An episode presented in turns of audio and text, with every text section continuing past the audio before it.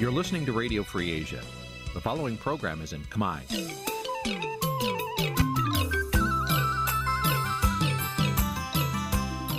Nǐ ជាកម្មវិធីផ្សាយ Vuthu Azizi Serai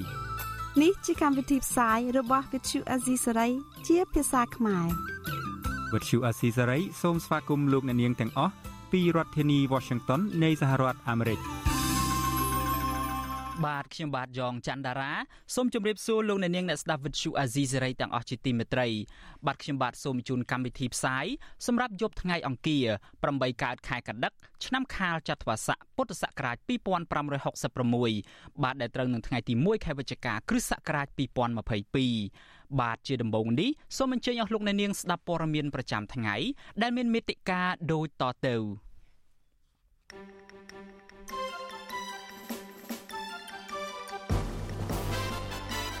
អ្នកជំនាញថាកម្ពុជាអាចទទួលបានផលចំណេញតិចឬមួយក៏ច្រើនពីកិច្ចប្រជុំកំពូលអាស៊ានគឺអាស្រ័យទៅនឹងនយោបាយការបរទេសរបស់លោកហ៊ុនសែនមេធាវីរំពឹងថាតុលាការនឹងផ្ដល់យុត្តិធម៌ដល់ស្ថាបនិកគណៈបកបេដងជាតិបាទក្រុមប្រឹក្សាឃុំសង្កាត់គណៈបកភ្លើងទៀននៅក្រុងតាខ្មៅបដិសេធមិនផ្តិតមេដាយទៅលើញត្តិថ្កោលទោសលោកសំរងស៊ី បាទនៅក្នុងនេតិវេទិកាអ្នកស្ដាប់វិទ្យុអាស៊ីសេរីនៅយប់នេះយើងនឹងជជែកអំពីផលវិបាកនានាដែលរដ្ឋាភិបាលលោកហ៊ុនសែនអាចនឹងប្រឈមប្រសិនបើឈានទៅរំលាយគណៈបកភ្លើងទៀនរួមនឹងព័ត៌មានសំខាន់សំខាន់មួយចំនួនទៀតបាទជាបន្តទៅទៀតនេះខ្ញុំបាទយ៉ងច័ន្ទដារាសូមជូនព័ត៌មានទាំងនេះពឺស្ដា បាទលោកនាងជាទីមេត្រីលោកនាយរដ្ឋមន្ត្រីហ៊ុនសែនប្រកាសត្រៀមរៀបចំកិច្ចប្រជុំកំពូលអាស៊ាន និងកិច្ចប្រជុំពាក់ព័ន្ធផ្សេងទៀតជាពិសេសទទួលស្វាគមន៍មេដឹកនាំបរទេសបាទមន្ត្រីសិទ្ធិមនុស្សនិងអ្នកសង្គមស៊ីវិលយល់ឃើញថាកម្ពុជាអាចទទួលបានផលចំណេញតិចឬមួយក៏ច្រើនគឺអាស្រ័យទៅនឹងនយោបាយការបរទេសរបស់លោកហ៊ុនសែនបាទលោកអ្នកនាងនឹងបានស្ដាប់ព័ត៌មាននេះនៅពេលបន្តិចទៀតនេះ។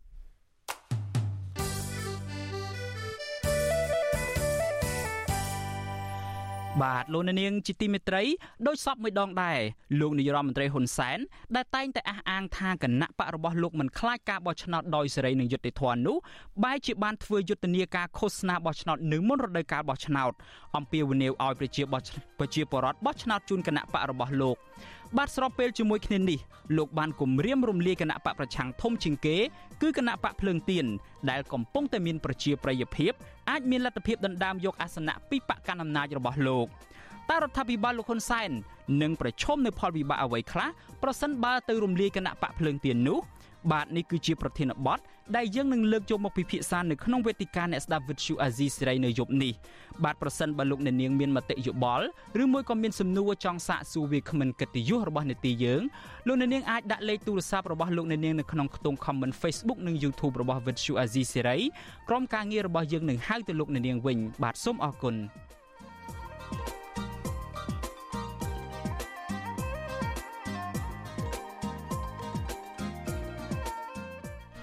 បាទលោកនាងជាទីមេត្រីពាក់ព័ន្ធទៅនឹងរឿងនយោបាយវិញសាលាដំបងរាជធានីភ្នំពេញសម្រាប់បញ្ជូនសំណុំរឿងក្លែងបន្លំនិងប្រើប្រាស់លិខិតក្លែងនៃស្ថាបនិកគណៈបកបេះដូងជាតិលោកសៀមភ្លុកទៅជំនុំជម្រះនៅថ្ងៃទី22ខែវិច្ឆិកាខាងមុខនេះ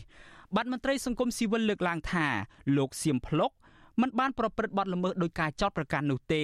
ហើយចង់ឃើញភៀកគីក្រសួងមហាផ្ទៃសម្របសម្រួលបញ្ចប់រឿងនេះ បាទលោកទីនហ្សាការីយ៉ារាយការណ៍ព័ត៌មាននេះមន្ត្រីអង្គការសង្គមស៊ីវិលនិងមេធាវីការពារក្តីឲ្យស្ថាបនិកគណៈបកបេះដូងជាតិលោកសៀមភ្លុករំពឹងថាតុលាការនឹងផ្ដល់យុត្តិធម៌ជូនលោកសៀមភ្លុកពីព្រោះស្ថាបនិកគណៈបកបេះដូងជាតិរូបនេះគ្មានចេតនាទុច្ចរិតក្នុងការបង្កើតគណៈបកនេះឡើយទោះជាយ៉ាងណាមន្ត្រីបកកណ្ដាលអំណាចចោទប្រកាន់ថាសំណុំរឿងលោកសៀមភ្លុកតុលាការមានភ័ស្តុតាងរឹងមាំក្នុងការចោទប្រកាន់ទៅវិញ មេធាវីការពារក្តីឲ្យលោកសៀមភ្លុកគឺលោកមេធាវីជួងជងីឲ្យដឹងនៅថ្ងៃទី1វិច្ឆិកាថាសាលាដំបងរាជធានីភ្នំពេញសម្រាប់ដាក់កម្មវិធីជំនុំជម្រះសំណុំរឿងលោកសៀមភ្លុកនៅព្រឹកថ្ងៃទី22វិច្ឆិកាខាងមុខលោកមេធាវីលើកឡើងទៀតថាក្នុងដំណើរការនៃការរៀបចំឯកសារបង្កើតគណៈបកបដងជាតិកូនក្តីរបស់លោកគ្រាន់តែជាអ្នកបញ្ជូនស្នាមមេដាយបន្តទៅក្រសួងមហាផ្ទៃហើយលោកសៀមភ្លុកក៏គ្មានលទ្ធភាព ឬបច្ចេកទេសដើម្បីអាចពិនិត្យដឹងថា ស្នាមមេដាយណាមានបញ្ហា លោកមេធាវីរំពឹងថាតុលាការនិងផ្ដល់យុត្តិធម៌ជូនដល់កូនក្តីរបស់លោកឲ្យមានសេរីភាពឡើងវិញគឺខ្ញុំសិក្សាទេថាគាត់អត់មានបំណងហើយក៏គ្មានចេតនាខ្លែងឯកសារគាត់ទៅស្រស់ទៅស្រស់តែម្ដងគាត់ចង់ឲ្យតែឯកសារដែលរៀបចំទៅល្អត្រឹមត្រូវហើយអាចដំណើរការគណៈបកដូចជាបានទេប៉ុន្តែបែរជាក្រសួងមហាផ្ទៃចាប់ប្រកាន់ថាគាត់នឹងខ្លាញ់បន្លំទៅវិញបាទតកតងនឹងសំណុំរឿងនេះដែរ មន្ត្រីអង្គការសង្គមស៊ីវិលធ្វើការងារតកតងនឹងរឿងបោះឆ្នោតលើកឡើងថាវិធានការរបស់ក្រសួងមហាផ្ទៃសម្រាប់មិនចុះបញ្ជីឲ្យគណៈបកបេដងជាតិគឺលំមគ្រប់គ្រាន់ហើយព្រោះច្បាប់ស្តីពីគណៈបកនយោបាយមិនបានតម្រូវឲ្យក្រសួងមហាផ្ទៃប្តឹងតំណាងគណៈបកនយោបាយទៅតុលាការទោះជាក្រសួងមហាផ្ទៃបានរកឃើញថាឯកសារស្នើសុំនោះមានភាពមិនប្រក្រតីក៏ដោយជុំវិញនឹងរឿងនេះវិទ្យុអសិរ័យមិនអាចតាក់ទងអ្នកនាំពាក្យក្រសួងមហាផ្ទៃលោកខៀវសុភ័ក្រ ដើម្បីសំសួរអំពីបញ្ហានេះបានទេនៅថ្ងៃទី1វិច្ឆិកាចំណែកអ្នកនាំពាក្យគណៈបកប្រជាជនកម្ពុជាលោកសុកអេសានវិញយល់ថាលោកសៀមភ្លុកគួរហ៊ានទទួលស្គាល់ការពិតហើយត្រូវទទួលទណ្ឌកម្មដោយជាការអនុវត្តទោសនៅក្នុងពុទ្ធនីគារលោកសុកអេសានអះអាងថាក្រសួងមហាផ្ទៃមានផុសតាងទើបក្រសួងសម្រេចប្តឹងលោកសៀមភ្លុកទៅតុលាការបែបនេះ អញ្ចឹងទ្រាំតាមអានេះកម្រិតច្បាប់តែដាក់នឹងទៅហើយដល់ផុតអានេះរយៈកាលនៃទោសនឹងទៅវាចេញមកវិញហើយអានឹងជាមេរៀនរបស់យើងដែរយើងកុំថាធ្វើអីគេមិនដឹងទោះជាលោកសៀមភ្លុករងការចាប់ប្រកាន់បែបនេះក្តីលោកធ្លាប់បំភ្លឺជូនតុលាការនៅក្នុងបន្ទប់សវនាការនាពេលកន្លងមកថាលោកមិនបានខ្លាញ់បន្លំឯកសារក្នុងការបង្កើតគណៈបកបៃដងជាតិឡើយលោកអះអាងទៀតថាលោកមិនមែនជាអ្នកចុះផ្ទាល់ ទៅប្រមូលស្នាមមេដៃរបស់អ្នកគាំទ្រនោះដែរគឺតំណាងគណៈបកនៅតាមមូលដ្ឋានជាអ្នករៀបចំតកតងនឹងសំណុំរឿងនេះនាយកទទួលបន្ទុកកិច្ចការទូតនៃអង្គការលីកាដូលអំសំអាតសង្កេតឃើញថាករណីនេះពាក់ព័ន្ធនឹងស្ថានភាពនយោបាយច្រើនជាងការអនុវត្តច្បាប់លោកបន្តថាបញ្ហាស្នាមមេដៃនេះអាចកើតឡើងដោយអចេតនាហើយបញ្ហានេះក៏មិនបានធ្វើឲ្យប៉ះពាល់ដល់សន្តិសុខសង្គមនោះដែរលោកអំសំអាតយល់ថាភាគីដើមមិនដឹង គឺក្រសួងមហាផ្ទៃគួរតែយោគយល់និងមិនគួរចាប់ទោសអស់ដំណើរលោកសៀមភ្លុកពេកនោះទេវាស៊ីសងនឹងការជជែកគ្នាដើម្បីស្វែងរកចំណុចដែលអាចដោះស្រាយគ្នាបានដើម្បីបន្ធូរបន្ថយស្ថានភាពតានតឹងនៃស្ថានភាពនយោបាយហើយដើម្បីបង្កនូវបរិយាកាសល្អដើម្បីឈ្មោះទៅរកការបោះឆ្នោតខ្ញុំគិតថាសិតតែអ្នកនយោបាយដែលមានបទពិសោធន៍អស់ហើយអញ្ចឹងអាចជជែកគ្នាបានទេបាទ សមត្ថកិច្ចបានចាប់ឃុំខ្លួនស្ថាបនិកគណៈបកបេដងជាលោកសៀមភ្លុកដាក់ពន្ធនាគារប្រៃសណមួយកាលពីថ្ងៃទី27មេសាតកតទៅនឹងបទចោទប្រកាន់ថាខ្លាញ់បន្លំនិងប្រើប្រាស់លិខិតខ្លាញ់តាមបណ្ដឹងរបស់ក្រសួងមហាផ្ទៃក្នុងសំណុំរឿងស្នើសុំបង្កើតគណៈបកបដងជាតិកាលពីឆ្នាំ2021តកតទៅនឹងបញ្ហាស្នាមមេដាយនេះដែរលោកមេធាវីជួសជងាឲ្យដឹងថាក្នុងចំណោមស្នាមមេដាយជាង4000ស្នាមមេដាយដែលក្រសួងមហាផ្ទៃចោទប្រកាន់ ថាមានបញ្ហានោះគឺមានជាង200ស្នាមមេដាយប៉ុណ្ណោះលោកឲ្យដឹងទៀតថាទោះជាក្រសួងមហាផ្ទៃមិនទទួលស្គាល់ស្នាមមេដាយដែលមានបញ្ហាទាំងនោះក៏លោកសៀមភ្លុកមានស្នាមមេដាយគ្រប់ចំនួនអាចស្នើសុំបង្កើតគណៈបកនយោបាយបានដែរកាលនោះខ្ញុំទីនសាការីយ៉ាអសិរ័យប្រធានី វ៉ាស៊ីនតោនបាទលោកនាងជាទីមេត្រីពាក់ព័ន្ធទៅនឹងរឿងកិច្ចការអាស៊ានវិញលោកនាយរដ្ឋមន្ត្រីហ៊ុនសែនបានប្រកាសត្រៀមរៀបចំកិច្ចប្រជុំកំពូលអាស៊ាន និងកិច្ចប្រជុំពាក់ព័ន្ធផ្សេងទៀតជាពិសេសទទួលស្វាគមន៍មេដឹកនាំបរទេស។បាទមន្ត្រីអង្គការសង្គមស៊ីវិលនិងអ្នកជំនាញយល់ឃើញថាកម្ពុជាអាចទទួលបានផលចំណេញតិចឬមួយក៏ច្រើន គឺអាស្រ័យទៅនឹងនយោបាយការបរទេសរបស់លោកហ៊ុនសែនបាទនេះជាសេចក្តីរាយការណ៍របស់អ្នកស្រីសុជីវី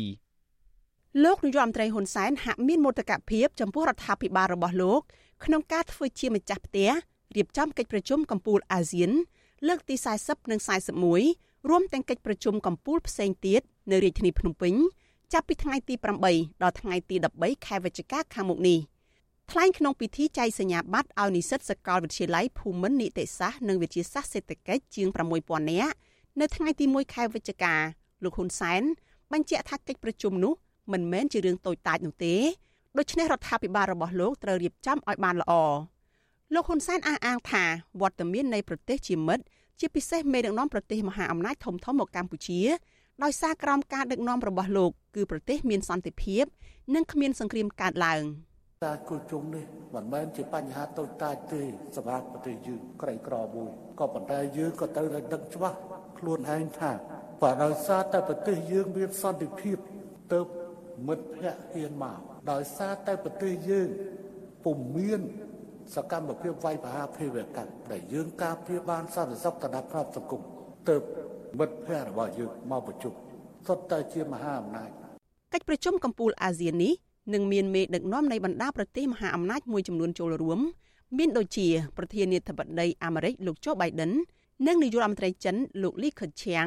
ព្រមទាំងមេដឹកនាំនៃប្រទេសឥណ្ឌាជប៉ុនអូស្ត្រាលី និងប្រទេសកូរ៉េខាងត្បូងជាដើម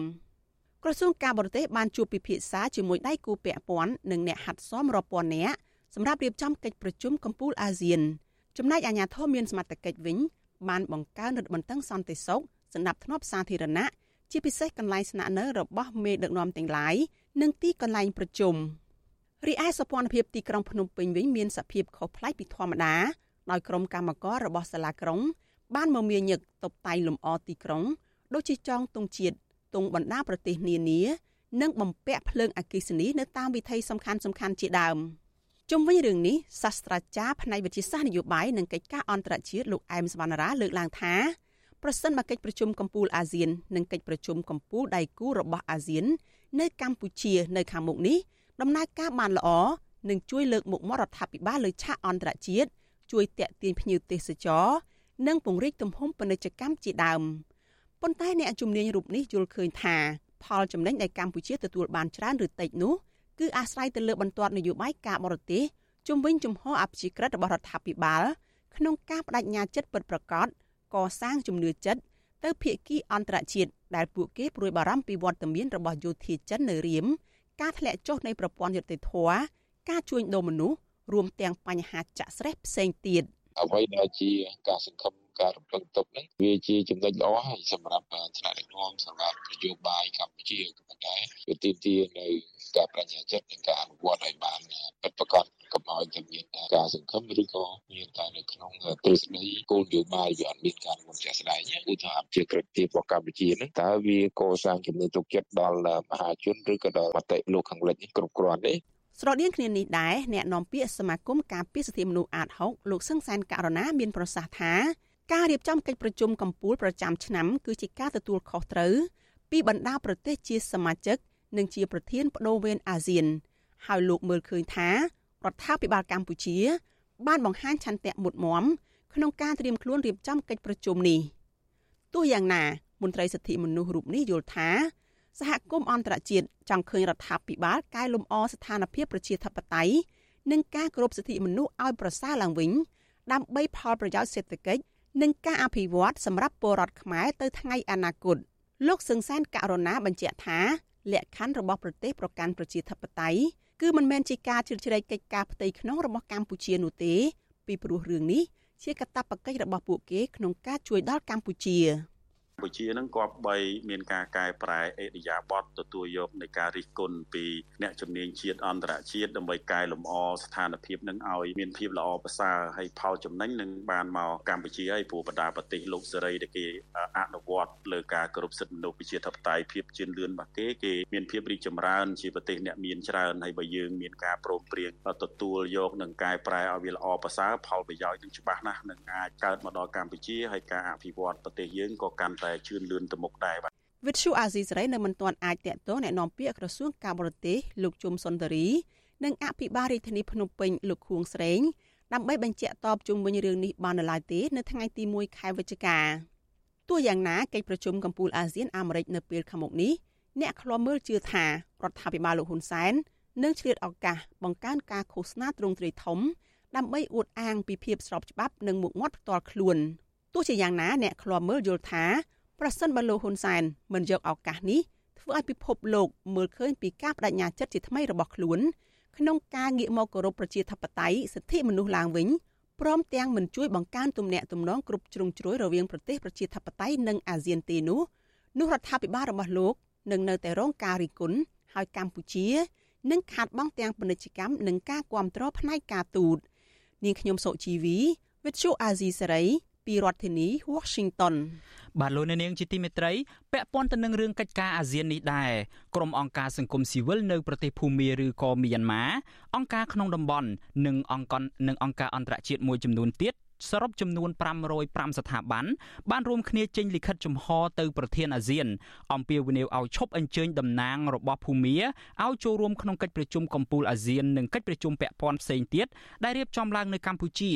បើទោះបីជាពួកគេមិនមែនជាអ្នកនយោបាយនៃរបបសឹកក៏ដោយបាទកិច្ចប្រជុំអាស៊ានមិនបានជើមិនបានអញ្ជើញក្រុមមេដឹកនាំរបបសឹកឲ្យចូលរួមកិច្ចប្រជុំនោះឡើយក៏ប៉ុន្តែអញ្ជើញត្រឹមតំណាងមិនមែនអ្នកនយោបាយ បាត់ក្រុមអង្គការសង្គមស៊ីវិលដដែលអំពាវនាវឲ្យអាស៊ានទទួលស្គាល់រដ្ឋាភិបាលរួបរวมជាតិ NUG ជាសាធារណៈដែលជាតំណាងរបស់ប្រជាពលរដ្ឋភូមាពិតប្រាកដ បាទក្រុមអង្គការសង្គមស៊ីវិលទាំងនោះបានអះអាងនៅក្នុងលិខិតចំហដដែលថានៅក្នុងរយៈពេល20ខែកន្លងមកនេះចាប់តាំងពីរបបសឹកបានធ្វើរដ្ឋប្រហារទម្លាក់រដ្ឋាភិបាលស្របច្បាប់របស់អ្នកស្រីអុងសានស៊ូជីអាស៊ានមិនបានឆ្លើយតបឬមួយក៏មានចំណាត់ការណាមួយដែលមានប្រសិទ្ធភាពទៅលើរបបសឹកភូមិមាននោះឡើយផ្ទុយទៅវិញរបបនេះនៅតែប្រព្រឹត្តអំពើហិង្សាខុសខើទៅលើប្រជាពលរដ្ឋដដែលទោះបីជាមេដឹកនាំរបបសឹកលោកមីនអងលៀងបានចុះហត្ថលេខាលើកិច្ចព្រមព្រៀងជាឯកច្ឆន្ទនៅប្រទេសឥណ្ឌូនេស៊ីលើកិច្ចព្រមព្រៀងទាំង5ចំណុចនោះហើយក៏ដោយបាត់ការពិពេលថ្មីថ្មីនេះអំពើហិង្សានៅប្រទេសភូមាបានកើតមានឡើងជាបន្តបន្ទាប់នៅក្នុងនោះមានការបំផ្ទុះគ្រាប់បែកនៅពន្ធនាគារអ៊ីនសេនការវាយប្រហារនៅក្នុងរដ្ឋការ៉ែននិងចុងក្រោយ ការវាយប្រហារតាមផ្លូវអាកាសនៅរដ្ឋកាឈិនធ្វើឲ្យជនស៊ីវិលរាប់សិបនាក់ស្លាប់និងរងរបួសបាទលិខិតដដែលរបស់អង្គការសង្គមស៊ីវិលនោះបញ្ជាក់ថាឧក្រិដ្ឋកម្មដែលត្រូវបានប្រព្រឹត្តដោយយោធាមីយ៉ាន់ម៉ាគឺជាសកម្មភាពរបស់អង្គការភេរវកម្មក្រោមនិយមន័យផ្លូវច្បាប់អន្តរជាតិនិងច្បាប់ក្នុងស្រុករបស់ភូមា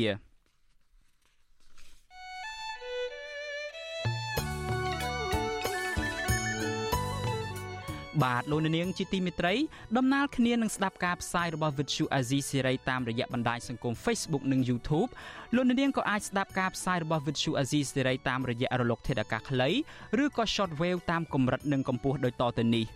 បាទពេលព្រឹកចាប់ពីម៉ោង5កន្លះដល់ម៉ោង6កន្លះតាមរយៈរលកធាតុអាកាសខ្លី9390 kHz ស្មើនឹងកម្ពស់ 32m និង11850 kHz ស្មើនឹងកម្ពស់ 25m ពេលយប់ចាប់ពីម៉ោង7កន្លះដល់ម៉ោង8កន្លះតាមរយៈរលកធាតុអាកាសខ្លី9390 kHz ស្មើនឹងកម្ពស់ 23m 15155 kHz ស្មើនឹងកម្ពស់ 20m និង11800 kHz 85 kHz ស្មើនឹងកម្ពស់ 20m បាទសូមអរគុណ បាទលោកនាងជាទីមេត្រីយើងងាកមកវិស័យទេសចរឯនេះវិញភ្ញៀវទេសចរនៅទៅទស្សនារមណីយដ្ឋានអង្គរបន្តកើនឡើងច្រើន នៅរយៈពេល6ខែចុងក្រោយនេះក្រោយពីវិបត្តិជំងឺ Covid-19 បានធូរស្រាលបាទម្ចាស់សន្តាគារផ្ទះសំណាក់រាប់រយកន្លែង និងកន្លែងផ្ដល់សេវាកម្មទេសចរមួយចំនួនទៀតបានបើកដំណើរការអាជីវកម្មរបស់ខ្លួនឡើងវិញជាបណ្ដាបណ្ដាក្រោយពីបិទទ្វារជិត3ឆ្នាំមកនេះបាទលោកសនច័ន្ទរដ្ឋារាយការណ៍ពឹស្ដារអំពីរឿងនេះ ប្រជាប្រដ្ឋនៅក្រុងសៀមរាបនិងក្រុងមេកតេអង្គររីករាយក្រោយពេលដែលភ្ញៀវទេសចរបន្តការឡើងច្រើនជាងឆ្នាំមុនទ្វេដងជាអត្តពលវិជ្ជមានដល់ប្រព័ន្ធសេដ្ឋកិច្ចរបស់ប្រជាជននៅខេត្តនេះបុគ្គលិករដ្ឋបាលនៃសន្តាគារមួយនៅក្រុងសៀមរាបលោកអាងឆាលប្រាប់វិទ្យុអេស៊ីសរ៉ៃថ្ងៃទី1ខែវិច្ឆិកាថាសន្តាគារនៅផ្ទះសំណាក់មួយចំនួននៅក្នុងក្រុងសៀមរាបបានបើកដំណើរការឡើងវិញប៉ុន្តែនៅមានសន្តាគារតិចតួចប៉ុណ្ណោះនៅឆ្ងាយពីក្រុងបន្តបិទទ្វារ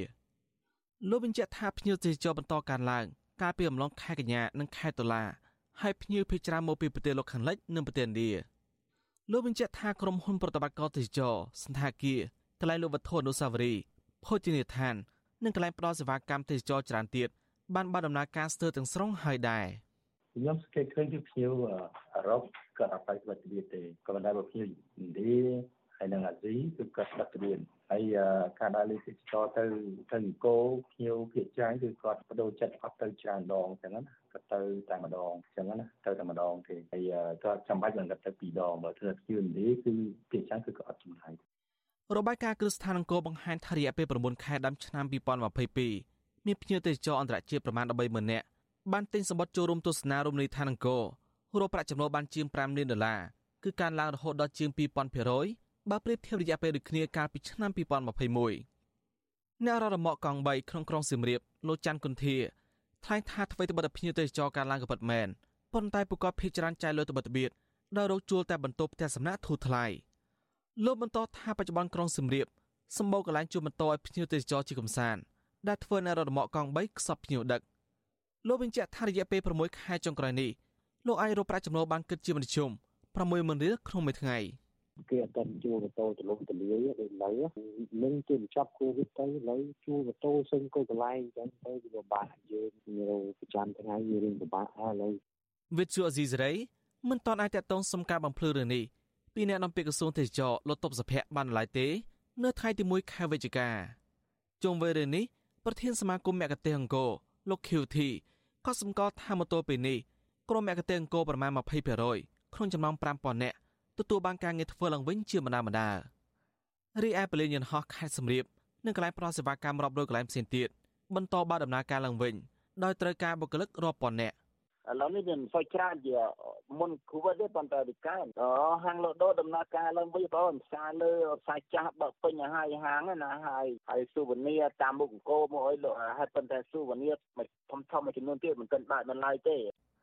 ប្រធានសមាគមប្រជាធិបតេយ្យឯករាជ្យនៃសេដ្ឋកិច្ចក្រៅប្រព័ន្ធអវុនពៅផ្ដល់ទស្សនៈថាអាញាធរខ្មែរគួរតែត្រួតពិនិត្យនិងការបន្ថយភាពរញ៉េរញ៉ៃនៃការបំពេញឯកសារចូលប្រទេសកម្ពុជារបស់ភ្ញៀវទេសចរ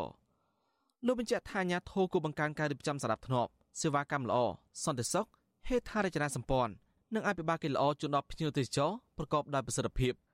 ខ្ញុំសូមឲ្យអាជ្ញាធររដ្ឋបង្កលក្ខណៈងាយស្រួលឲ្យប្រជាពលរដ្ឋម្ចាស់ស្រុកអាចប្រកបមុខរបរបានដោយអ្នកមានដើមធំធំផងដែរពិសេស អាចកបមុខរបរបានដោយជនជាតិចិនជនជាតិកូរ៉េជាពិសេសជនជាតិចិនដែលតែងតែដណ្ដើមមុខរបរប្រជាពលរដ្ឋខ្មែរទៅតាមតំបន់ទេសចររដ្ឋទៅពិនិត្យមើលឡើងវិញនៅចំណុចអស់ទាំងហ្នឹងខេត្តសំរៀបមានសន្តាគារឬក៏កន្លែងផ្ដល់សេវាកម្មស្នាក់នៅ ជាង500កន្លែង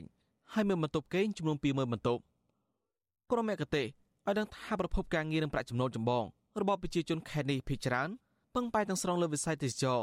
ដែលក្នុងនេះ ក្រុមមគ្គទេសអង្គរឈរជួមុខក្នុងវិស័យនេះខ្ញុំសនចាររថាវិទ្យុអេស៊ីសេរីរាយការណ៍ពីរដ្ឋធានីវ៉ាស៊ីនតោន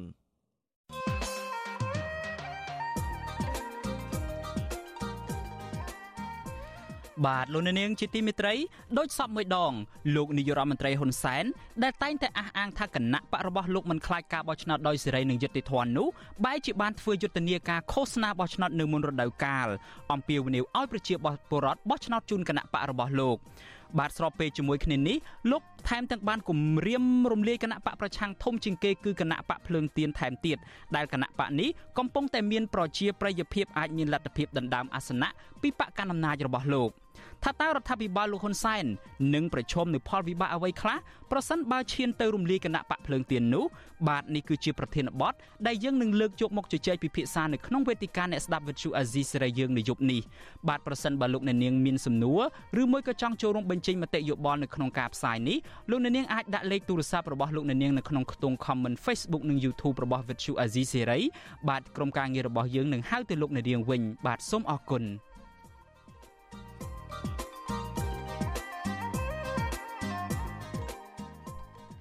បាទលោកនាងជាទីមេត្រីយើងងាកទៅបញ្ហាជីវភាពរបស់ប្រជាពលរដ្ឋនៅឯខេត្តបៃលិនឯណោះវិញកសិករចិញ្ចឹមជ្រូកនៅខេត្តបៃលិនត្អូញត្អែពីតម្លៃជ្រូករស់បន្តចុះថោកខ្លាំង ពួកគាត់បញ្ជាក់ថាតម្លៃជ្រូកធ្លាក់ថ្លៃនេះគឺដោយសារតែមិនសូវមានឈ្មួញទទួលទិញហើយពួកគេលក់មិនបានប្រាក់ចំណេញដោះស្រាយជីវភាពគ្រួសារ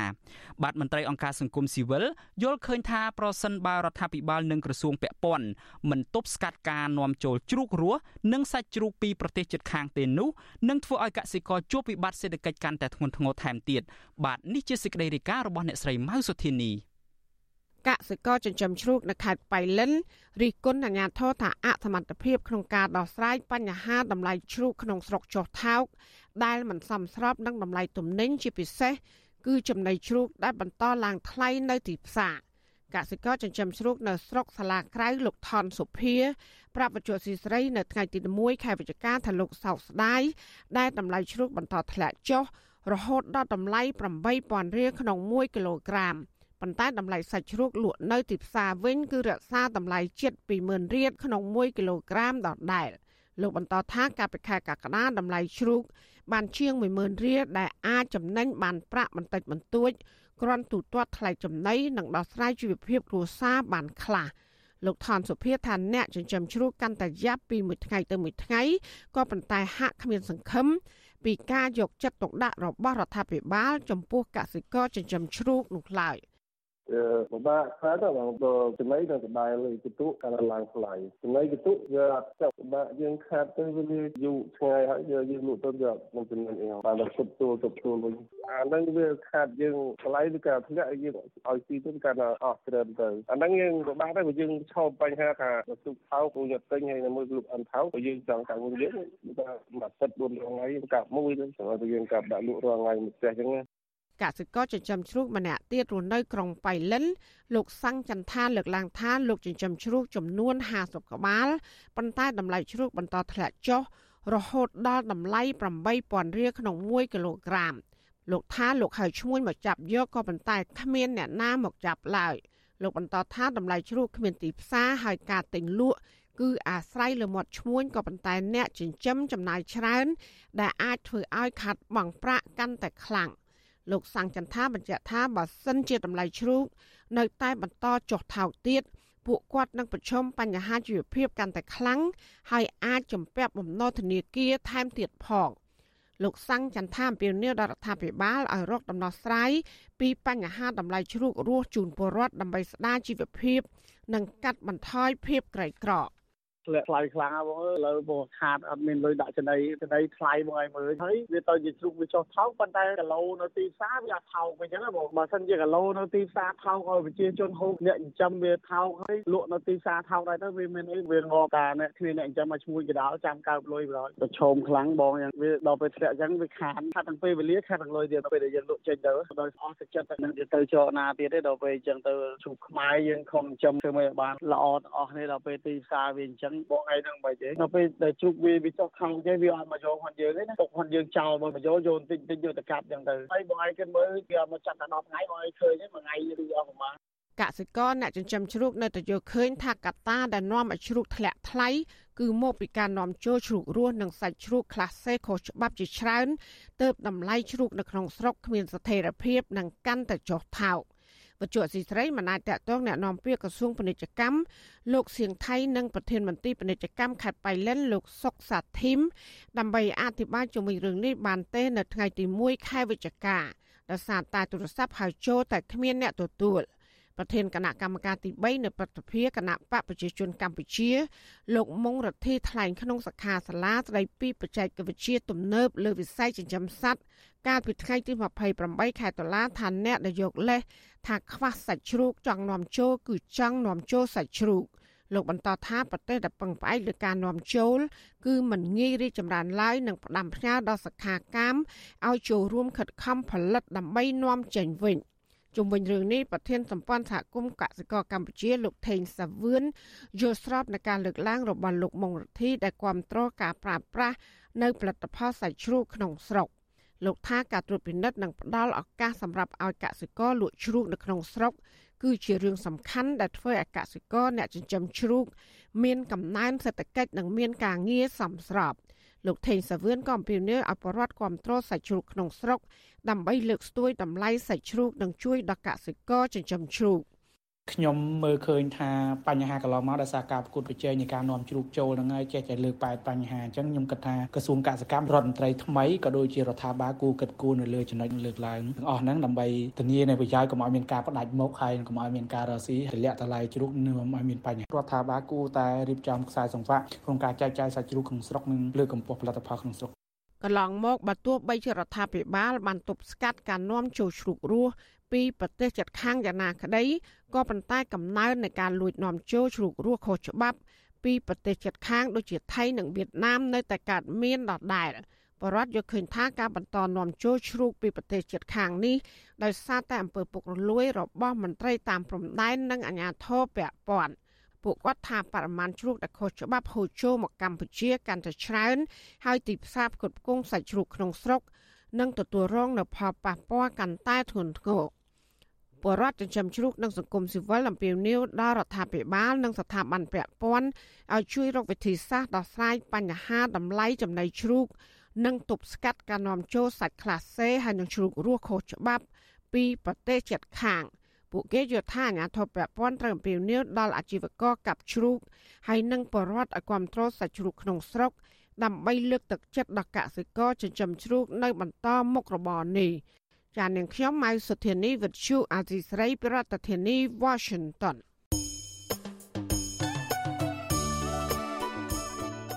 បាទលោកនាងជាទីមេត្រីនៅក្នុងឱកាសនេះដែរខ្ញុំបាទសូមថ្លែងអំណរគុណដល់លោកនាងកញ្ញាទាំងអស់ដែលតែងតែមានភក្ដីភាពចំពោះការផ្សាយរបស់ Vuthu Azizi Serai ហើយចាត់ទុកការស្ដាប់ Vuthu Azizi Serai ជាផ្នែកមួយនៃសកម្មភាពប្រចាំថ្ងៃរបស់លោកនាង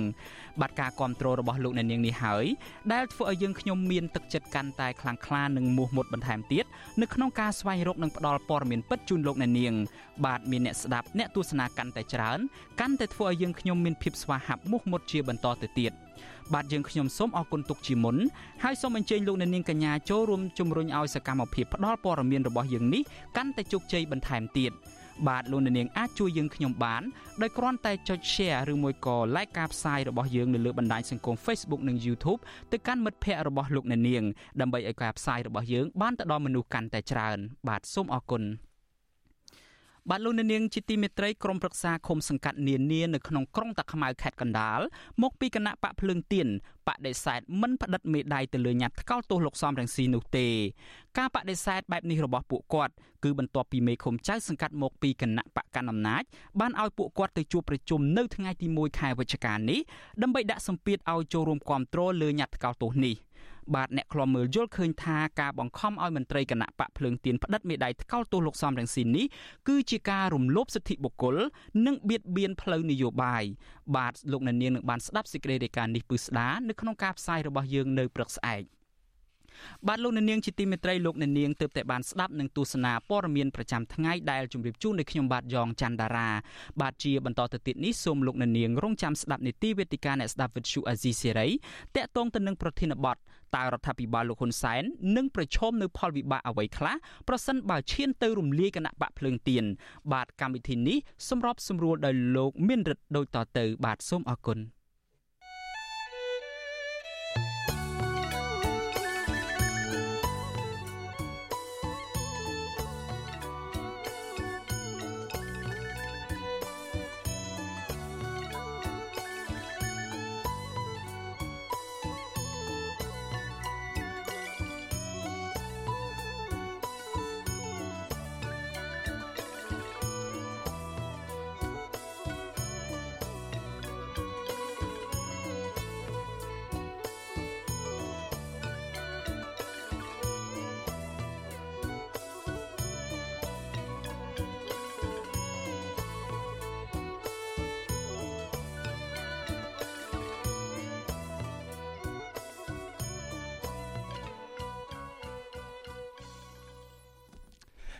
ពីរដ្ឋធានី Washington ខ្ញុំបាទមេរិតសូមជម្រាបសួរលោកអ្នកនាងកញ្ញាប្រិមត្តអ្នកស្ដាប់និងទស្សនា Visual Asia ស្រីតាមបណ្ដាញសង្គម Facebook និង YouTube និងនៅលើរលកធាតុអាកាសខ្លី Shortwave ជាទីមេត្រី បាទដោយដែលលោកយ៉ងច័ន្ទតារាបានជម្រាបជូននៅមុននេះហើយនេះគឺជានីតិវេទិកាអ្នកស្ដាប់ Visual Asia ស្រីបាទ បាទលោកនាងកញ្ញាជាទីមេត្រីនៅក្នុងនេតិវេទិកាអ្នកស្ដាប់វិទ្យុអេស៊ីស្រីយប់នេះយើងនឹងផ្ដោតនៅលើប្រធានបទសំខាន់មួយ ដែលពាក់ព័ន្ធទៅនឹងការបោះឆ្នោតជ្រើសតាំងតំណាងរាស្ត្រនៅឆ្នាំ2023ខាងមុខនេះគឺអាណត្តិទី7ដែលការបោះឆ្នោតនេះអាចនឹងមានការចូលរួមពីគណៈបកនយោបាយសំខាន់សំខាន់មួយចំនួនជាពិសេសយើងចង់ដឹងថាតើវត្តមានរបស់គណៈបកភ្លើងទៀនដែលជាគណៈបកប្រឆាំងធំជាងគេមួយនៅក្នុងសង្វៀននយោបាយកម្ពុជាសប្តាហ៍ថ្ងៃនេះថាតើគណៈបកនេះអាចនឹងមានជោគវាសនាដោយគណៈបកសង្គ្រោះជាតិដែលត្រូវបានរដ្ឋាភិបាលលោកនាយរដ្ឋមន្ត្រីហ៊ុនសែនរំលាយរំលាយចោលកាលពីចុងឆ្នាំ2017កន្លងទៅ ដែរឬទេក្រោយពីយើងដឹងថា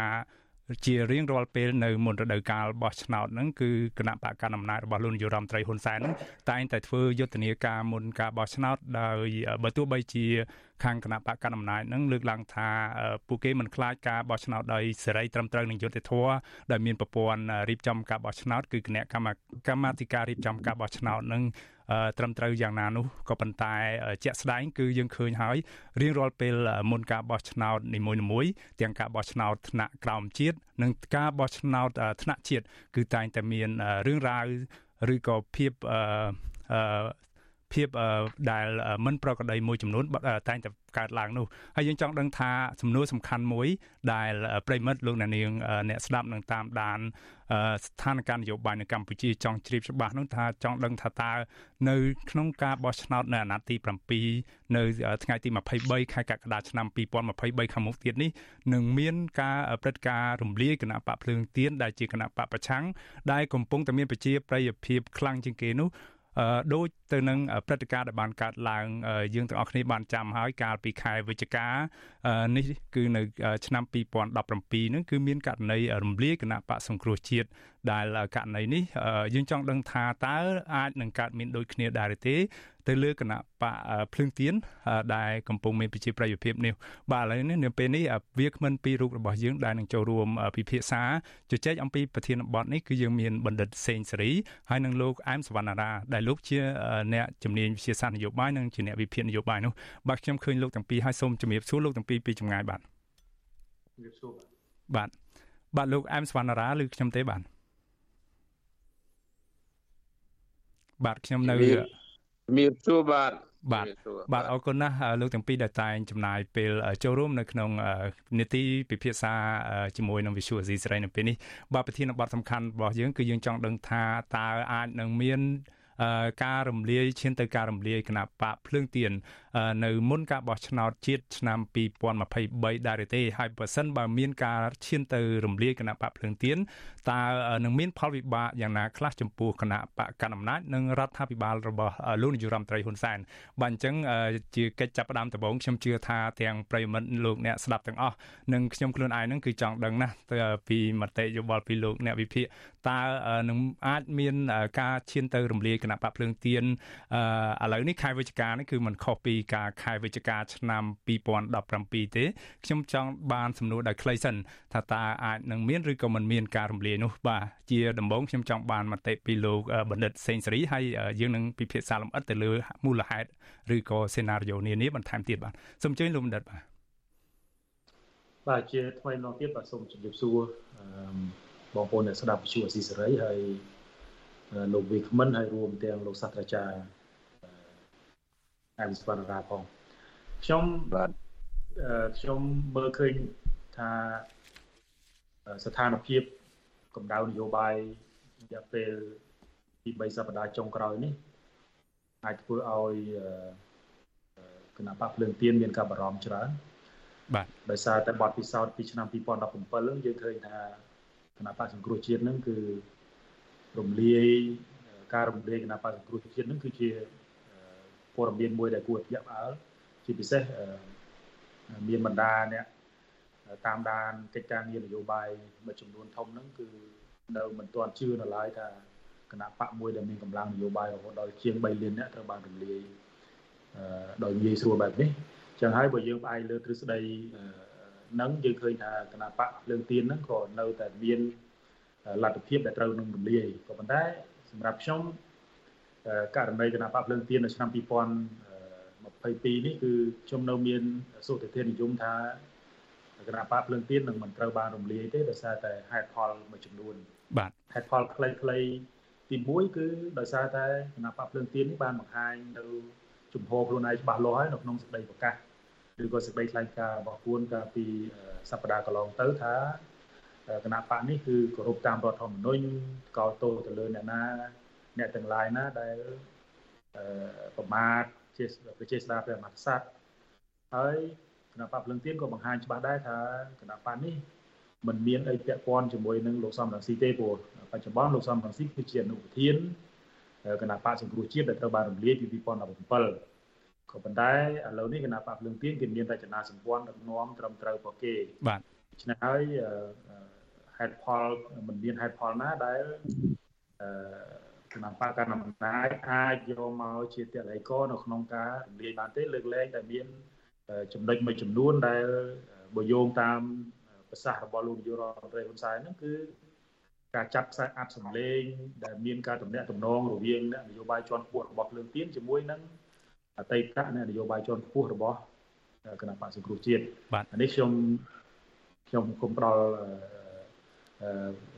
ជាសញ្ញាប៉ុណ្ណឹងសិនបាទបាទបាទអរគុណលោកបណ្ឌិតអញ្ចឹងតាមលោកបណ្ឌិតសេងសេរីហ្នឹងគឺមើលឃើញថានឹងមិនឈានទៅដល់ការរំលាយគណៈបកភ្លើងទៀនដោយករណីគណៈបកសង្គ្រោះជាតិកាលពីឆ្នាំ2017ទេហើយលោកបណ្ឌិតបានលើកឡើងពីហេតុផលខ្លីៗមួយចំនួនហើយយើងនឹងពិភាក្សាលម្អិតទៅលើហេតុផលទាំងនេះហើយយើងក៏នឹងពិនិត្យមើលសេណារីយ៉ូបន្ថែមទៀតថាតើបើសិនជាករណីដែលអាចឈានទៅរំលាយហ្នឹងតើគណៈបកភ្លើងទៀនហ្នឹងអាចរៀនសូត្រឬក៏ត្រៀមនៅជំរឹះផ្សេងបែបណាខ្លះដើម្បីសម្រាប់ផ្លូវដើរនៅក្នុងឆាកនយោបាយនៅកម្ពុជារបស់ខ្លួនតទៅទៀតប៉ុន្តែមុននឹងឈានទៅដល់ចំណុចលម្អិតទាំងនោះខ្ញុំចង់បានប្រសាសន៍ខ្លីជុំវិញទស្សនៈរបស់លោកអែមសវណ្ណារាវិញម្ដងបាទលោកអែមសវណ្ណារាតើលោកមើលឃើញយ៉ាងម៉េចដែរជុំវិញករណីជោគវាសនានៃគណៈបកភ្លើងទៀននេះដូចករណីគណៈបកសង្គ្រោះជាតិទេបាទបាទជាបឋមសូមគោរពប្រិមិត្តអាស៊ីសេរីហើយជម្រាបវាក្បិតលោក រដ្ឋសេរីផងហើយលោកមានរិទ្ធបាទបាទអឺទស្សនៈខ្ញុំក៏មិនខុសពីលោកមនិតសេងសេរីទេខ្ញុំដែលមានសុទ្ធិនិយមថាគណៈបកព្រឹងទៀតនេះមានឱកាសមានសំណាងនៅក្នុងការចូលរួមការបោះឆ្នោតថ្នាក់ជាតិឆ្នាំ2023ដោយសារនិយាយកត្តាខ្លីមួយ គឺបរិយាកាសស្ថានភាពនយោបាយបច្ចុប្បន្នហាក់ដូចជាសម្រាប់ប្រជាធិបតេយ្យហាក់ដូចជា ពិបាកដែរនៅក្នុងការផ្ដល់តម្លៃជាសកលឬក៏ស្មារភាពគ្នានៅក្នុងរដ្ឋបណ្ដារដ្ឋប្រជាធិបតេយ្យជាពិសេសលោកខាងលិចអញ្ចឹងកម្ពុជាត្រូវការរក្សានៅតុល្យភាពមួយនៃទំនាក់ទំនងជាមួយនឹងបណ្ដារដ្ឋទាំងអស់នោះហើយកត្តាមួយទៀតគឺកត្តាសំខាន់ហ្នឹងគឺគណៈបកភ្លើងទៀនបច្ចុប្បន្នហ្នឹងមិនទាន់មានសន្ទុះដែលទៅគម្រាមកំហែងទៅដល់គណៈបកកណ្ដាលអំណាចទេអញ្ចឹងខ្ញុំគិតថាស្ថានភាពបរិយាកាស គណៈបកភ្លឹងទៀននៅមានសង្ឃឹមល្អជាងនៅមានសង្ឃឹមនៅក្នុងការចូលរួមការបោះឆ្នោតថ្នាក់ជាតិបានបាទបាទបាទឃើញថាទាំងលោក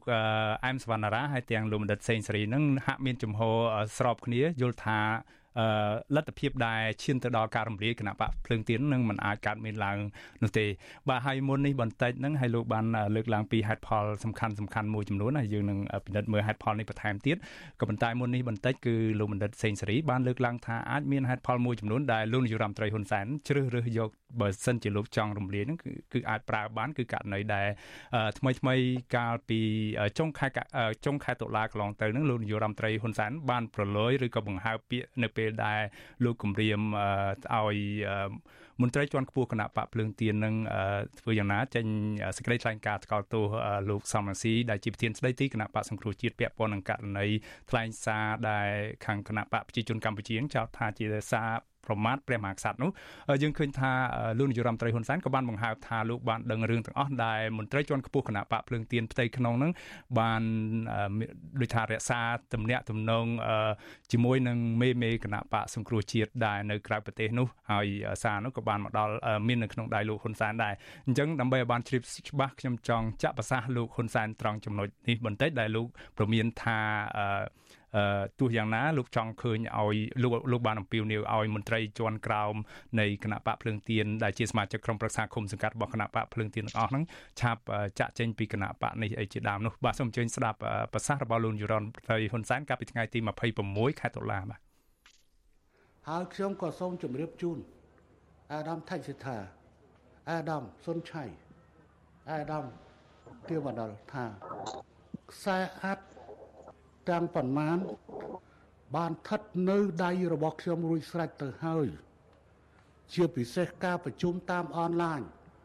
ដែលមានអនប្រជុំនៅអាមេរិកមានការប្រជុំនៅពីនៅបារាំងអាមេរិកហើយនឹងអ្នកនៅស្រុកខ្មែរឥឡូវនេះខ្ញុំដឹងអស់លោកទៀតថាអស់លោកកំពុងតែមានការសង្ស័យទៅលើឈ្មោះ តបវ៉ាន់ច័ន្ទដែលជាអតីតតំណាងរាស្ត្រថាជាអ្នកថតសម្លេងអស់លោកសង្ស័យគ្នាក៏សង្ស័យទៅរឿងរបស់អស់លោកទីក៏ប៉ុន្តែវិធីយករបៀបណា លោកក៏ត្រូវដឹងដែរហើយខ្ញុំដឹងថាមានភ្នាក់ងារមួយ បានបញ្ជូនខ្សែអាត់នេះជូនទៅអស់លោករួចហើយរាប់ទាំងអេងឆៃអៀងសន្តានាជាមួយនឹងមនុស្សម្នាក់នៅខាងក្នុងនេះ ដើម្បីរៀបចំបេក្ខភាពគណៈបកភ្លើងទៀននៅខេត្តរតនគិរីគឺមានក្នុងដៃហើយច្បាប់ស្រីពីគណៈបកនយោបាយគឺចែងមិនឲ្យមានតំណែងតំណងជាមួយតនដិតនោះទេដូច្នេះចំណុចនេះគ្រាន់តែប្រាប់អ្នកឯងឲ្យបានដឹងថាតម្រុយឆ្ពោះទៅរកនៃដំណាក់កាលមួយកំពុងប្រឈមសម្រាប់អ្នកឯង បាទលោកបណ្ឌិតសេងសេរីនិងលោកអែមសវណ្ណារាដោយដែលប្រសាសន៍លោកហ៊ុនសែនបានថ្លែងមុននេះអញ្ចឹងយើងឃើញថាលោកបានប្រឡយអំពីតម្រុយសំខាន់សំខាន់មួយចំនួនដែលខាងរដ្ឋាភិបាលរបស់លោកអាចនឹងចាត់ការទៅលើគណៈបកភ្លើងទៀនបាទតើតាមរយៈតម្រុយនេះដែលថាគណៈបកភ្លើងទៀនអាចនឹងប្រឈមនោះតើ មូលហេតុអ្វីដែលលោកមិនលោកហ៊ុនសែនមិនយកប្រើនៅពេលនេះហើយលោកគ្រាន់តែប្រឡយហើយតឡាការរបស់លោកមិនទាន់ចាត់ការនោះលោកបណ្ឌិតសេងសេរីតើអាចនឹងឈានមានមូលហេតុអីនៅពីក្រោយនោះដែលដែលខាងតឡាការនៅមិនទាន់ហ៊ានអាចថាឈានទៅចាត់ការលើគណៈបកភ្លើងទៀននោះដោយសារតែដោយដែលលោកប្រសាសន៍របស់លោកនាយរដ្ឋមន្ត្រីហ៊ុនសែនអញ្ចឹងគឺក្រោយពី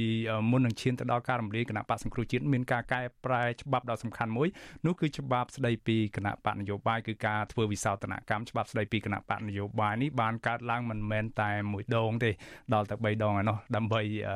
ធ្វើយ៉ាងណាហាម5គណៈបកនយោបាយមិនឲ្យមានការតាក់ទងចំណុចលក្ខខណ្ឌសំខាន់មួយនៃការឈានទៅរំលាយនោះបើសិនបើមានការតាក់ទងជាមួយនឹងអ្នកនយោបាយទាំងឡាយណាដែលជាប់ពិរុទ្ធ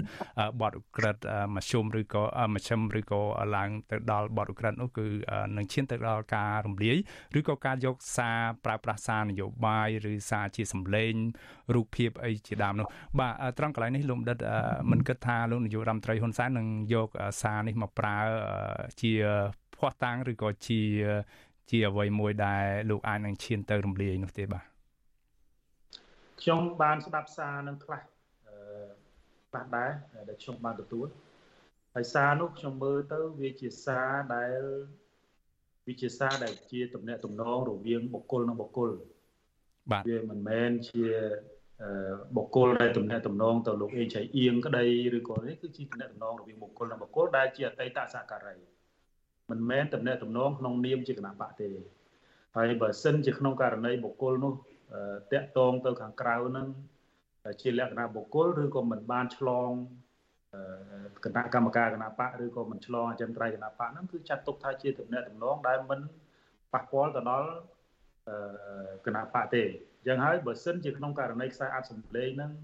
ឲ្យតែជាសមាជិកភ្លើងទៀនសមាជិកឃុំសង្កាត់ណាមួយដែលតាក់ទងទៅខាងក្រៅហ្នឹងរាប់ថាជា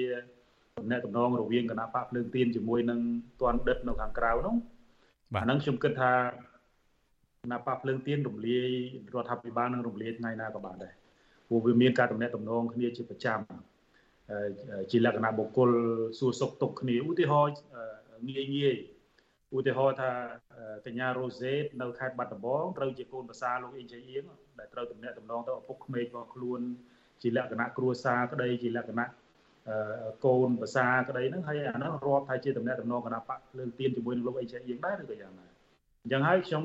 បានលើខ្សែអត្ថនឹងខ្លះហើយខ្ញុំខ្ញុំស្ដាប់ទៅខ្ញុំគិតថាអឺតំណែងតំណងនេះគ្រាន់តែជាតំណែងតំណងកម្រិតបុគ្គលនិងបុគ្គលតែប៉ុណ្ណោះមិនមែនជាតំណែងតំណងរវាងគណៈបកជាមួយនឹងអ តីតមេដឹកនាំគណៈ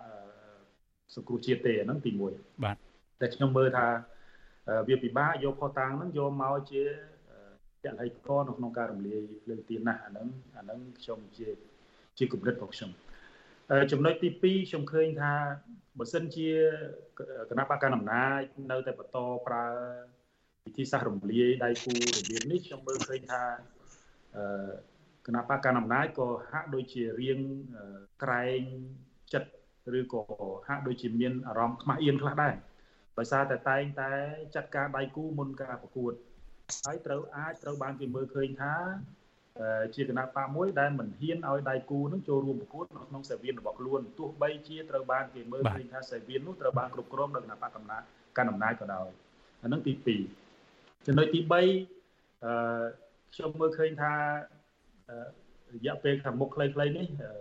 ការប្រជុំអាស៊ានជាមួយនឹងអន្តរជាតិជាពិសេសបណ្ដាប្រទេសមហាអំណាចហ្នឹងក៏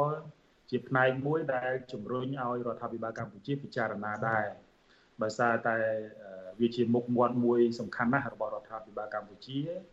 នៅក្នុងការបង្ហាញទៅប្រទេសមហាអំណាចនេះថាខ្លួនក៏បាន មានឆន្ទៈនៅក្នុងការព្យាយាមរក្សាបន្ទាត់នយោបាយឬក៏ រក្សាគន្លងប្រជាធិបតេយ្យហ្នឹងឲ្យមានភាពសមរម្យដែរចំណុចទី3អ្វីដែលលោកសាស្ត្រាចារ្យអែមសវណ្ណរាលើកឡើងហ្នឹងខ្ញុំក៏យល់ស្របដែរថាគណៈបកភ្លើងទៀនមកដល់ពេលនេះទោះបីគុណគូតាមសេណារីយ៉ូណាក៏ដោយគណៈបកភ្លើងទៀនមិនទាន់មានកម្លាំងគ្រប់នៅក្នុងការដណ្ដើមយកអំណាចនៅក្នុងឆ្នាំ2023នេះទេ ដោយសារតែបើយើងរាប់មើលចំនួននៃនៃអ្នកបោះឆ្នោតជូនគណៈបកភ្លើងទៀននៅក្នុងឆ្នាំ2022យើងឃើញថាបានប្រមាណជា1លាន6សែននឹងរាប់ទៅប្រមាណជាង20%តិចតួចប៉ុណ្ណោះបើធៀបជាមួយនឹងគណៈបព្វជិជននឹងមានរហូតសម្លេងជាងដល់5លានជាងឯណោះអញ្ចឹងហើយបើយើងរាប់កៅអីសភាខ្ញុំថាច្រើនបំផុតហើយឬក៏ maximum ហើយដែល គណៈបកភ្លើងទៀននឹងទទួលបានប្រមាណជាមិនលើសពី35កៅអីទេដូច្នេះហើយអ្វីដែលសំខាន់អានេះជាជាការព្យាករហើយយើងចាំសង្កេតមើលថាតើការព្យាកររបស់ខ្ញុំឬក៏អ្នកសិក្សាតាមដានកិច្ចការងារនយោបាយហ្នឹងត្រូវកម្រិតប៉ុណ្ណាហ្នឹងចាំសង្កេតលទ្ធផលក៏ប៉ុន្តែទោះបីយ៉ាងណាក៏ដោយបើសិនជាក្នុងករណីភ្លើងទៀនបាន35កៅអីនៅក្នុងសភាមែនក៏ដោយក៏ គណៈបព្វជិជននៅតែរៀបចំរដ្ឋាភិបាលដោយខ្លួនឯងបានក៏ប៉ុន្តែលើកនេះនឹងមានរបាយនៅក្នុងរដ្ឋសភាដែលអាចនឹងជួយនៅក្នុងការតាមដានឬក៏ធ្វើឲ្យមានតលយៈភាពអំណាចខ្លះដែរបើយើងឃើញពី2017មកដល់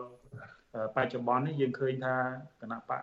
កាន់អំណាចឬគណៈបព្វជិជនហ្នឹងគាត់គ្រប់គ្រងទាំងនីតិប្រតិបត្តិគាត់គ្រប់គ្រងទាំងនីតិបញ្ញត្តិតុលាការជាដើមដែលធ្វើឲ្យពេលខ្លះ យើងឃើញថាយើងហៅភាសាអ្នកស្រុកថាក៏ឃើញថាមានការជិះសេះលេខដៃច្រើនដែរបាទដូច្នេះហើយសម្រាប់ខ្ញុំហេតុផលទាំងនេះខ្ញុំមើលឃើញថារដ្ឋាភិបាលក៏មិនល្ងងពេកដែរនៅក្នុងការរំលាយដៃគូខ្លួនដែលមិនទាន់មានកម្លាំងគ្រប់គ្រាន់នៅក្នុងការប្រកួតប្រជែងនោះអានឹងវាជាវាជារឿងមួយដែលដែលបើសិនជាក្នុងករណីគណៈបកកណ្ដាលអំណាចជ្រើសរើសមធ្យោបាយបែបនេះខ្ញុំគិតថាវាជាការសម្រេចចិត្តមួយដែលមិន មិនមានមិនមែនជាយុទ្ធសាស្ត្រដែលល្អបាទមិនមែនជាយុទ្ធសាស្ត្រដ៏ល្អនេះហើយលោកបណ្ឌិតហ្នឹងក៏បានមានសុតិធិនិយមហាក់ដូចជាច្រើនណាសង្ឃឹមថាលោកបណ្ឌិតព្យាករទៅថាគណៈបកភ្លើងទៀនអាចនឹងឈ្នះអាសនៈនៅក្នុងកៅអីឈ្នះកៅអីនៅក្នុងរដ្ឋសភាជាតិហ្នឹងដល់ទៅ35កៅអីនោះ បើផ្អែកតាមការព្យាករផ្ទៃក្នុងរបស់គណៈបកប្រជាជនកម្ពុជាគណៈបកកណ្ដាលអំណាចគឺភ្លាមភ្លាមក្រោយពីការបោះឆ្នោតជ្រើសរើសក្រុមប្រឹក្សាគុំសង្កាត់អាណត្តិទី5គឺកាលពីខែមិថុនាឆ្នាំ2022ថ្មីថ្មីកន្លងទៅនោះយើងឃើញថាគណៈបកកណ្ដាលអំណាចហ្នឹងអះអាងថាផ្អែកតាមលទ្ធផលនៃការបោះឆ្នោត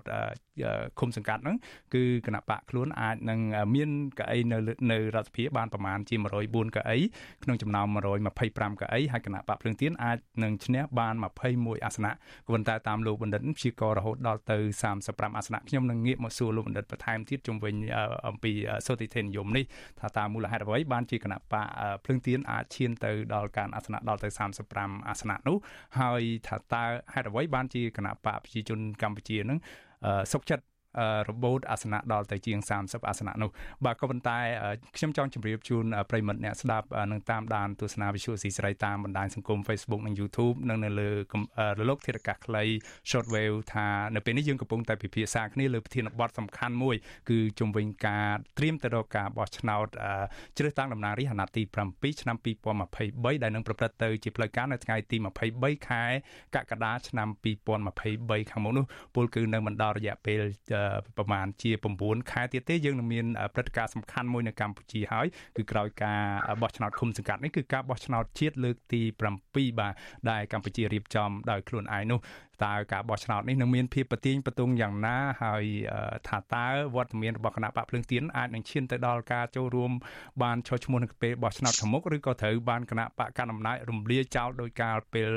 គណៈបកនេះដោយការពេលដែលតឡាការកម្ពុជាដែរនរណានរណាក៏ដឹងថាស្ថិតនៅក្រោមការបញ្ជារបស់គណៈបកកណ្ដាលអំណាចនិងលោកនាយរដ្ឋមន្ត្រីហ៊ុនសែននឹងបានរំលាយគណៈបកសង្គ្រោះជាតិកាលពីខែវិច្ឆិកាដូចគ្នាគឺនៅឆ្នាំ2017កន្លងទៅនោះបាទនេះគឺជាប្រធានបទសំខាន់ដែលយើងនឹងពិភាក្សាគ្នាកំពុងតែចោទសួរនេះហើយយើងចង់ដឹងថាបើសិនជាមានការរំលាយមែននោះនឹងមានផលវិបាកអ្វីខ្លះសម្រាប់គណៈបកកណ្ដាលអំណាចហើយគណៈបកភ្លើងទៀននឹងគួរតែមានសេណារីយ៉ូអីដើម្បីត្រៀមខ្លួនមុនជាមុនដើម្បីកុំឲ្យមានព្រឹត្តិការណ៍ដោយការពីកាត់ឡើងពីទៅលើគណៈបកសង្គ្រោះជាតិនោះបើមិនសិនបើលោកនាងកញ្ញាចាប់អារម្មណ៍ចង់ចូលរួមដាក់ជាសំណួរទៅកាន់វាគ្មិនឬក៏បញ្ចេញមតិយោបល់សូមអញ្ជើញលោកនាងទម្លាក់លេខទូរស័ព្ទនិងឈ្មោះនៅក្នុងប្រអប់ខ្ទង់ comment នៃការផ្សាយផ្ទាល់នៅលើបណ្ដាញសង្គម Facebook និង YouTube នៅពេលនេះហើយក្រុមការងាររបស់យើងនឹងអញ្ជើញលោកនាងដាក់ជាសំណួរទៅកាន់វាគ្មិនរបស់យើងហើយខ្ញុំក៏ចង់ជម្រាបជូនទៅប្រិមត្តអ្នកស្ដាប់នៅលើរលកធាតុអាកាសខ្លីដែរថានៅម៉ោង8:30នាទីបន្តិចទៀតនេះលោកនាងនឹងមិនលឺការផ្សាយផ្ទាល់របស់យើងទេដូច្នេះសូមអញ្ជើញលោកនាងងាកឬក៏បង្វែរមកបើកការស្ដាប់ឬទស្សនាផ្ទាល់តាមរយៈបណ្ដាញសង្គម Facebook និង YouTube វិញយើងនឹងនៅបន្តជាមួយគ្នាពិភាក្សាលើប្រធានបទដ៏សំខាន់តាក់ទងនឹងរឿងរ៉ាវនយោបាយនៅកម្ពុជានេះរហូតដល់ម៉ោង9យប់ម៉ោងនៅកម្ពុជាបាទឥឡូវនេះយើងមានអ្នកស្ដាប់មួយរូបគឺលោកគៀវិសាលពីកម្ពុជាលោកចង់ចូលរួមដាក់ជាសំណួរបាទសូមអញ្ជើញបាទបាទអរគុណនឹងជម្រាបសួរទៅដល់លោកមានរិទ្ធហើយជម្រាបសួរទៅដល់លោកបណ្ឌិតស្រីស្រីក៏ដូចជាលោកសាស្ត្រាចារ្យអែមសវណ្ណរាខ្ញុំខានចូលអវិជ្ជាអយុធរីយូរហើយ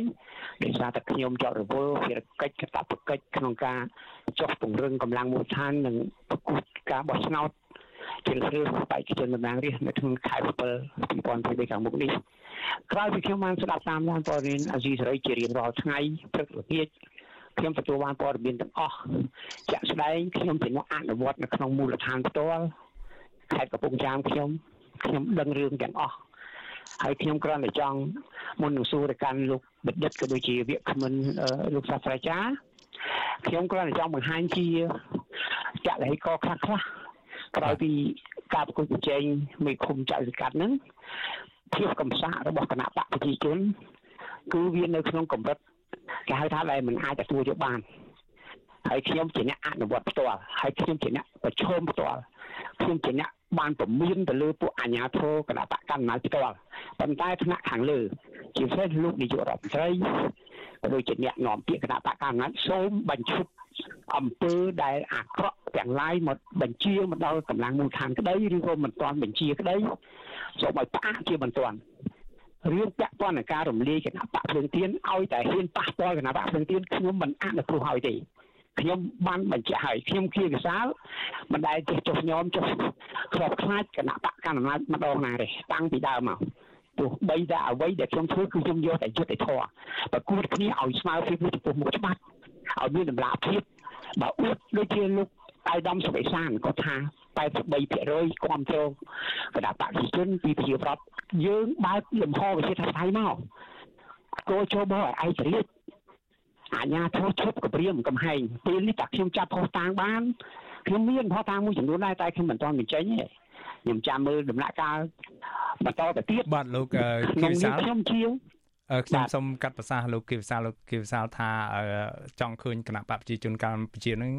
រក្សាយ៉ាងណាឈប់បញ្ឈប់ការគម្រាមកំហែងអីមកទល់ពេលនេះនៅក្នុងខេត្តកំពង់ចាមរបស់លោកគីវិសាលចង់ដឹងថាតើ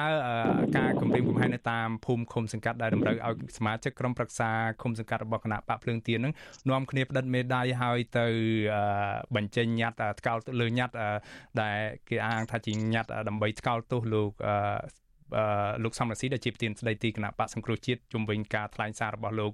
ពាក់ព័ន្ធនឹងរឿងរ៉ាវព្រះមហាក្សត្រនោះតើរឿងនេះនៅតែកាត់ឡើងនៅខេត្តកំពង់ចាមរបស់លោកដែរទេដោយមិនខុសពីនៅតំបន់ដទៃជាពិសេសដូចជានៅខេត្តកណ្ដាលគឺនៅតាខ្មៅទីក្រុងតាខ្មៅថ្មីថ្មីនេះក៏ដូចគ្នាដែរហើយត្រូវបានក្រុមប្រឹក្សាសមាជិកក្រុមប្រឹក្សាគុំសង្កាត់របស់គណៈបកភ្លើងទៀននឹងបាក់ដោយសារមិនព្រមចុះផ្តិតមេដាយនៅលើញត្តិនោះទេដោយសំអាងថាទូយ៉ាងណាគឺគណៈបកភ្លើងទៀនបានចេញនៅសេចក្តីថ្លែងការណ៍បញ្ជាក់ពីចំហរបស់ខ្លួនច្បាស់លាស់ហើយនៅថ្នាក់ជាតិនោះបាទបាទអរគុណលោកមានរដ្ឋនេះសំខាន់ណាស់ខ្ញុំជាអ្នកអនុវត្តផ្ទាល់ហើយជាអ្នកចុះទៅអឺ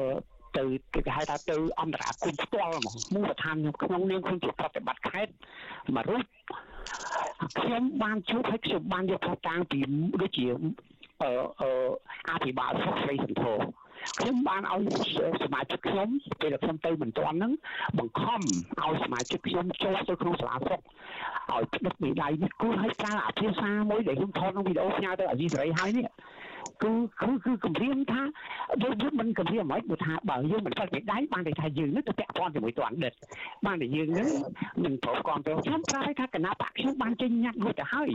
រាល់បុគ្គលទាំងឡាយណាដែលប្រមាថអង្គព្រះមហាក្សត្រសូមតែខ្ញុំនេះជាមន្ត្រីផ្ទាល់នៅខេត្តនេះហើយរឿងអីដែលខ្ញុំមិនថ្កោលទោសរាល់បុគ្គលទាំងឡាយណាដែលប្រមាថព្រះមហាក្សត្រខ្ញុំគ្រប់គ្រងញត្តិរបស់គណៈបកខ្ញុំរួចទៅហើយហើយមានច្បាប់ឯណាមានសិទ្ធិឯណាខ្ញុំមានមេធាវីផ្នែកច្បាប់របស់ខ្ញុំទៀតគឺគាត់ថាអត់មានសិទ្ធិឯណាមកបង្ខិតបង្ខំពួកខ្ញុំបានអីមន្ត្រីរដ្ឋាភិបាលលោកឈឹមផលរុនលោកសុកអេសានក៏ធ្វើឲ្យបានជាអាចថាគ្មានសមាជិកគណៈបកអត់មានរដ្ឋាភិបាលឬក៏គណៈបកជនណាបញ្ជាឲ្យសមាជិកគេប៉ុន្តែរូបភាពនៅតែមានរាល់ថ្ងៃហ្នឹងនៅតែមានជាពិសេសនៅ នៅនៅគេហៅថាព្រៃចម្ដីខ្ញុំរហូតដល់ខ្ញុំពមៀនពួកមេឃុំព្រៃចម្ដីចោលទៀតថាខ្ញុំជាវិសាលបញ្ជាមិនឲ្យសមាជិកក្នុងប្រដៃមូលហេតុអីដែលអ្នកឯងបង្ខំសមាជិកខ្ញុំឲ្យធ្វើដៃហើយហៅបង្ខំនឹងមានន័យថាម៉េចយើងដឹងថាអំណាចរបស់មេឃុំចៅសង្កាត់ក្រមផ្សារគុំសង្កាត់គេបានមកពីពិសោធន៍មិនបានមកពីគណៈបព្វជិជន